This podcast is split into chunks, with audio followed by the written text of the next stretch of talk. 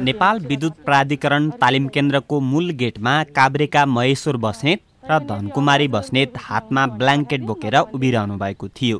छोरी रिना बस्नेत क्वारेन्टाइनमा हुनुहुन्छ। छोरीसँग एकछिन फोनमा कुरा गरेपछि बस्नेत दम्पतिले मूल गेटमा रहेका सुरक्षाकर्मीलाई ब्ल्याङ्केट जिम्मा लगाउनुभयो। ल ल ल अरू केही छ? ल हामी छोडेर छोरीसँग प्रत्यक्ष भेट नभए पनि फोन तथा भिडियो कलबाट कुराकानी भइरहेको छ।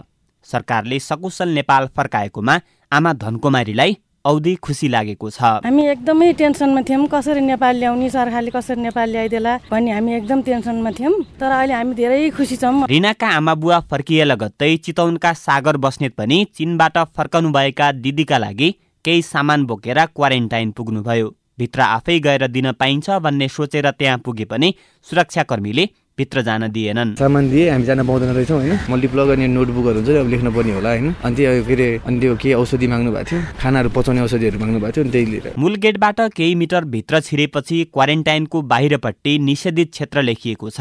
क्वारेन्टाइन बाहिर भेटिनुभयो चिकित्सक टोलीका प्रमुख नेपाली सेनाका major doctor Navin Phuyal doctor फुयालले क्वारेन्टाइनमा रहेका सबै एक सय पचहत्तर नेपाली पूर्ण रूपले स्वस्थ रहेको बताउनुभयो। उहाँहरूको स्वास्थ्य एकदम राम्रो छ। उहाँलाई केही संक्रमण भयो कि भएन भनेर राष्ट्रिय प्रयोगशालाबाट पनि पुरा टिम आएर उहाँको घाँटीबाट र नाकबाट स्याम्पल कलेक्ट गरेर लानु भएको छ। आज भोलिमा रिपोर्ट पनि आइहाल्छ आधिकारिक रूपमै। चीनबाट ल्याएका विद्यार्थी खरिपाटीमा राख्ने सङ्घीय सरकारको निर्णयपछि सुरुमा स्थानीय डराएका थिए। तर अहिले अवस्था सामान्य भएको छ।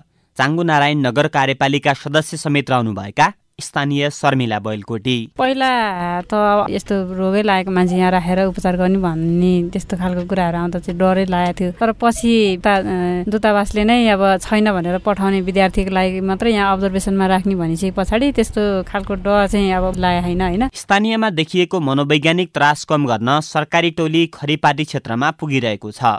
सोही क्रममा स्वास्थ्य तथा जनसङ्ख्या मन्त्री भानुभक्त ढकाल पनि खरिपाटी स्थित क्वारेन्टाइनको अवलोकनका लागि पुग्नुभयो। अहिलेसम्म यहाँ आएर हामीले चेक जाँच गर्दाखेरि कुनै खालको सङ्क्रमणको प्रभावहरू नदेखिनु।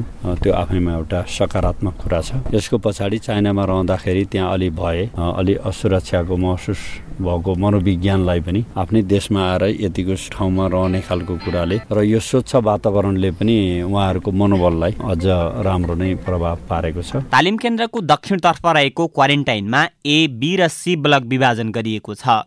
ठुला दुई भवनमा पुरुष परिवारसहित आउने टोली रातो भवनमा महिला र अर्को सानो भवनमा चिकित्सक सहितको स्वास्थ्य कर्मीको टोलीलाई राखिएको छ।